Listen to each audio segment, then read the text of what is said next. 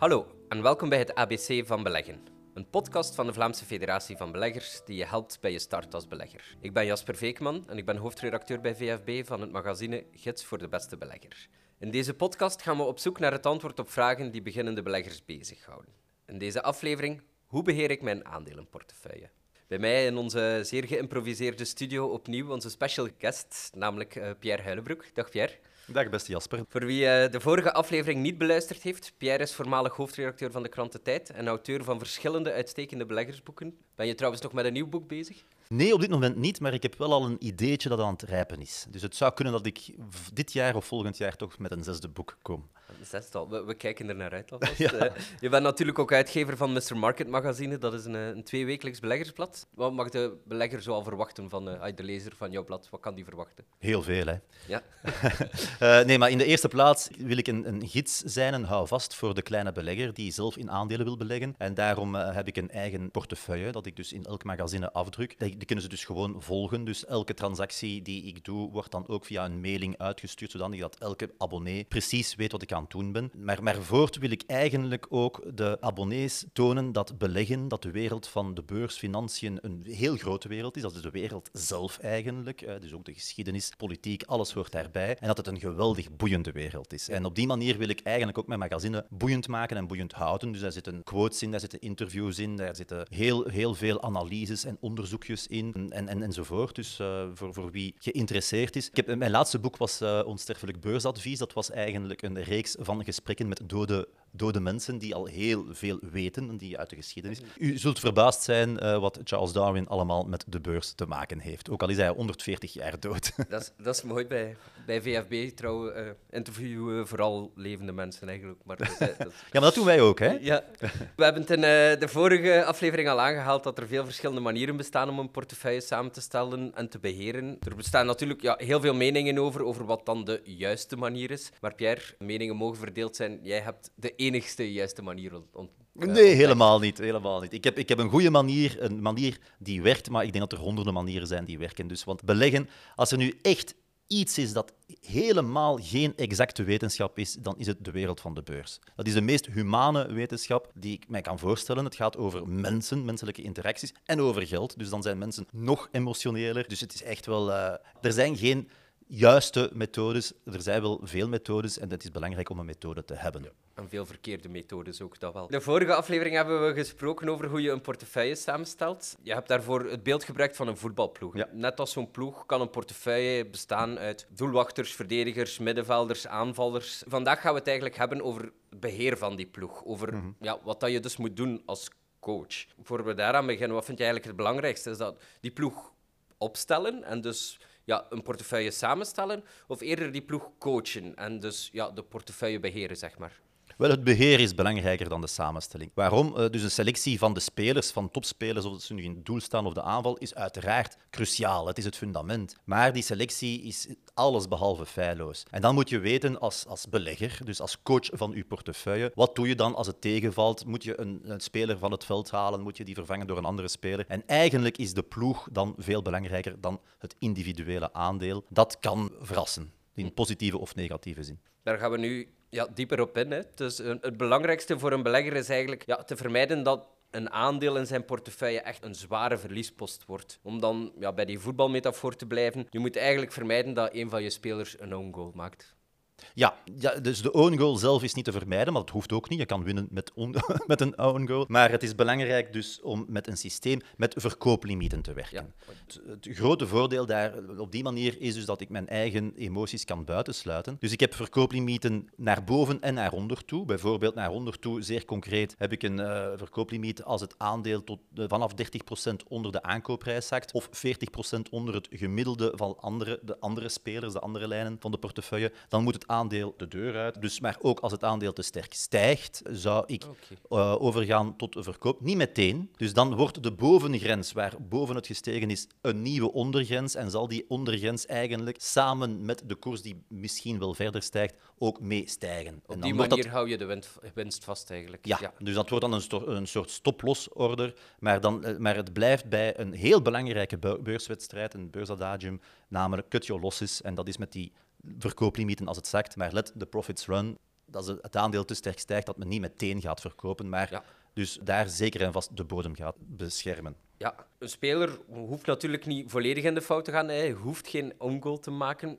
Soms brengt hij gewoon niet wat dat er van hem verwacht wordt. Hè. Dat gaat op voor de voetbal, maar dat gaat ook op Ja. voor aandelen in je portefeuille. dat ze niet doen wat dat je gehoopt had, of verwacht had, of Hm. berekend had. Ja, wat doe je daarmee? Wel, het komt voor, maar het is bij mij eigenlijk al een paar jaar geleden dat ik een aandeel van het veld haal, omdat het niet meer beantwoordt aan de reden waarom ik het had gekocht. Dus, waar, dus eh, ja, het bedrijf is veranderd, het management, er zijn andere concurrenten, dat, weet, dat weten we niet op voorhand. Maar het gebeurt zeer zelden. En, dat, en waarom? Omdat ik niet over één nacht ijs ga om een aandeel op het veld te zetten, om een nieuwe speler te gaan, Ja. te gaan activeren. Meestal gaan er maanden over dat ik goesting kweek om dat aandeel te kopen, vooraleer ik het aandeel zal kopen. En dan koop ik het eigenlijk om het nooit meer te verkopen. Ja, Qua mentaliteit.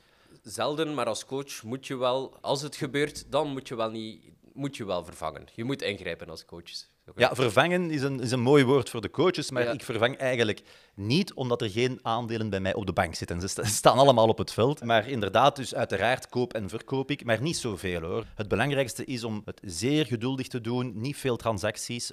Ja, ik doe heel weinig transacties eigenlijk, want elke studie toont aan dat hoe meer transacties men doet, hoe meer het gaat knagen aan de return van, eh, van de portefeuille over de heel lange termijn. Dus eh, bij mij zijn het er een tiental per jaar. Dat is eigenlijk vijf aankopen en vijf verkopen, dus helemaal niet zoveel. In, in het voetbal zijn dat vaak de spits en, en de aanvallende spelers die het meest gewisseld worden. Hè. Dat gaat, gaat dat ook op voor de aandelen in jouw portefeuille? Zijn dat Ja, inderdaad. Ja, inderdaad. Ja, want eh, voor, om de eenvoudige reden dat een spits veel volatieler is als aandeel en dus veel sneller een limiet zou kunnen bereiken. Verander je ook van, van opstelling en tactiek? Hè? Bijvoorbeeld in functie van de tegenstander. Dan blijf ik maar met die voetbalanalogie natuurlijk. Maar in termen van aandelen, kijk jij bijvoorbeeld ook naar het sentiment op de beurzen om eventueel bij te sturen? Nee.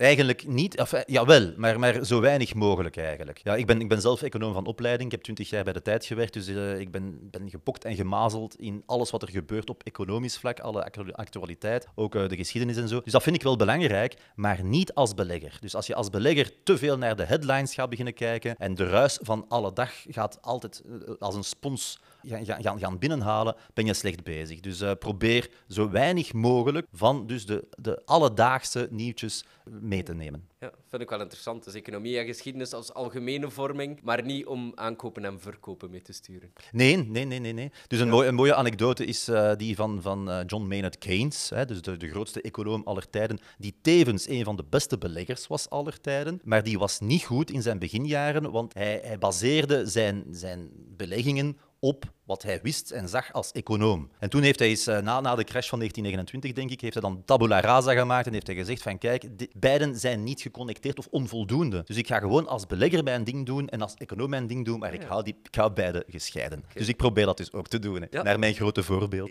Ja. De beste coaches zijn niet alleen meester tacticus, maar ook ja, meester psycholoog. hè. Ze, ze weten eigenlijk het beste uit hun spelers te halen. Hoe belangrijk vind jij die psychologie om- in het beheer van je portefeuille? Ja, het allerbelangrijkste, belangrijkste, de, de beurs is psychologie. Dat, natuurlijk spelen factoren als, als rente en bedrijfsresultaten en de gebeurlijke geopolitieke kwesties een rol. Maar het is eigenlijk de belangrijkste actor, de speler op het vlak van beleggen, is Mr. Market. Vandaar dus de naam van mijn magazine trouwens. Eh, Mr. Market is een beurstypetje, dus een, eh, ontwikkeld door Benjamin Graham, dus de man die ons allemaal leerde beleggen. En dat is gewoon de psychologie van de beurs zelf. Dus het is hij die beslist. Bijvoorbeeld eh, kan het zijn dus dat het al een hele tijd goed gaat op de beurs en dan wil Mr. Market voor een gemiddeld aandeel meer dan 20 keer de winst betalen. Dus koers-winstverhouding van meer dan 20. En als het dan een tijd slecht gaat, dan, wil hij niet eens de koers-winstverhouding van 10 betalen. Dus ja, dat is, dat is wel heel, heel ver, staat heel ver van elkaar. En het eigenlijk fundamenteel zou het kunnen gewoon hetzelfde zijn. Dus wat de, de beurspsychologie is op een gegeven moment, op een gegeven periode, is heel, heel belangrijk. Dat is belangrijk in wat er gebeurt op de beurs, maar is het ook belangrijk in jouw beheer, in, in de timing van aankopen of verkopen? Of, of speelt die psychologie daar veel minder in? Nee, ik, ga, ik doe niet aan timing, want degene die aan timing doet, die gaat er niet goed uitkomen, normaal gezien. En dat is ook weer die psychologie. We ondervinden dat allemaal als mens. Dus als het een tijd goed gaat, dan beginnen we enthousiast te worden, dan willen we kopen. Maar als het goed gaat, betekent het dus dat de koersen hoog zijn. Dus dat is dus uh, duur kopen. Als het slecht gaat, al een poos, dan beginnen we dus echt wel neerslachtig te worden en willen verkopen ja, als de koersen laag zijn. Dus dat is eigenlijk duur kopen, goedkoop verkopen. Dat is eigenlijk ook op zeer korte termijn. Want er waren goede en slechte dagen die elkaar afwisselden dag op dag. En de goede dagen, ik, vond, ik, ik, voelde het bij mezelf, maar u waarschijnlijk ook. De goede dagen hadden we de neiging om te kopen. Toen waren de beurskoersen veel hoger. De volgende dag was het heel slecht, de beurskoersen waren lager en hadden we de neiging om te verkopen. Want oei, oei, het gaat hier allemaal hè, de, de, de verdoemenis in. En dat is wat we moeten vermijden als belegger. Nu, dus die psychologie is heel belangrijk, maar ja, anderzijds zijn er toch ook coaches, hè, om weer naar dat voetbal te komen, die beslissingen nemen ja, op basis van data. Hè. Dat wordt steeds belangrijker. En net zo heb je eigenlijk ook wel beleggers die enkel naar, naar de cijfers kijken van bedrijven. Is dat dan volgens u geen, geen goede aanpak? Ja, je moet naar de cijfers kijken, uiteraard. Hè. Je moet echt je huiswerk maken. Uh, dus dus ik, ik, persoonlijk probeer op basis van, van wat ik weet over de balans en over, over wat het bedrijf allemaal vertelt. De, het jaarverslag is ook een heel belangrijke tool. Probeer ik in te schatten waar het bedrijf zou kunnen staan binnen drie à vijf jaar. Een billijke waarde proberen in te schatten, maar dat is heel persoonlijk natuurlijk. En dan, dan vergelijken met de beurskoers. Zo gaat het eigenlijk. Hè. Maar dat is maar een eerste stap. En het is natuurlijk zeer persoonlijk. En vooral met groeiaandelen kan die inschatting van de billijke waarde enorm verschillen. Dus uh, dat is een, hè, de discounted cashflow methode, dat kent iedereen. Wat, wat wil dat zeggen? Men probeert dus alle toekomstige cashflows in te schatten en die dan te verdisconteren naar vandaag. Maar die, dat is een beetje een garbage in, garbage Hoeveel out. winst maakt een bedrijf in ja. de toekomst, in vijf jaar, tien jaar, zelfs twintig jaar. Dat Zo moet je gaan berekenen. Zo is dat. En de, dus de winst in de, in de verre toekomst wordt dan verdisconteerd volgens een percentage en is vandaag dus, speelt vandaag dus minder dan een winst vandaag of volgend jaar. Dus dat is eigenlijk het idee. Maar het zijn allemaal inschattingen die erin komen en plots, hè, in die Excel-sheet, komt er dan ergens een billijke waarde uit. Ja. Maar als je daar begint aan te tweaken, dan gaat die billijke waarde enorm gaan veranderen. En dat, dat kan per analist zijn ook. Hè. Ik, heb, ik heb een heel mooi voorbeeld van, van Tesla eigenlijk. Hè. Dus een enkele jaren geleden werd ik uitgenodigd door Kanaal Z en mocht ik dus op tv gaan zeggen dat ik Tesla, dat was Buy and Sell, dat programma, dat ik Tesla zou verkopen. Vier, vijf jaar geleden was dat. En waarom? Omdat ik dus naar de cijfers gekeken had, naar het potentieel ook van Tesla als producent van elektrische voertuigen. En bon, oké, zelfs mocht Tesla de grootste producent worden van elektrische voertuigen, dan nog was dat aandeel veel te duur.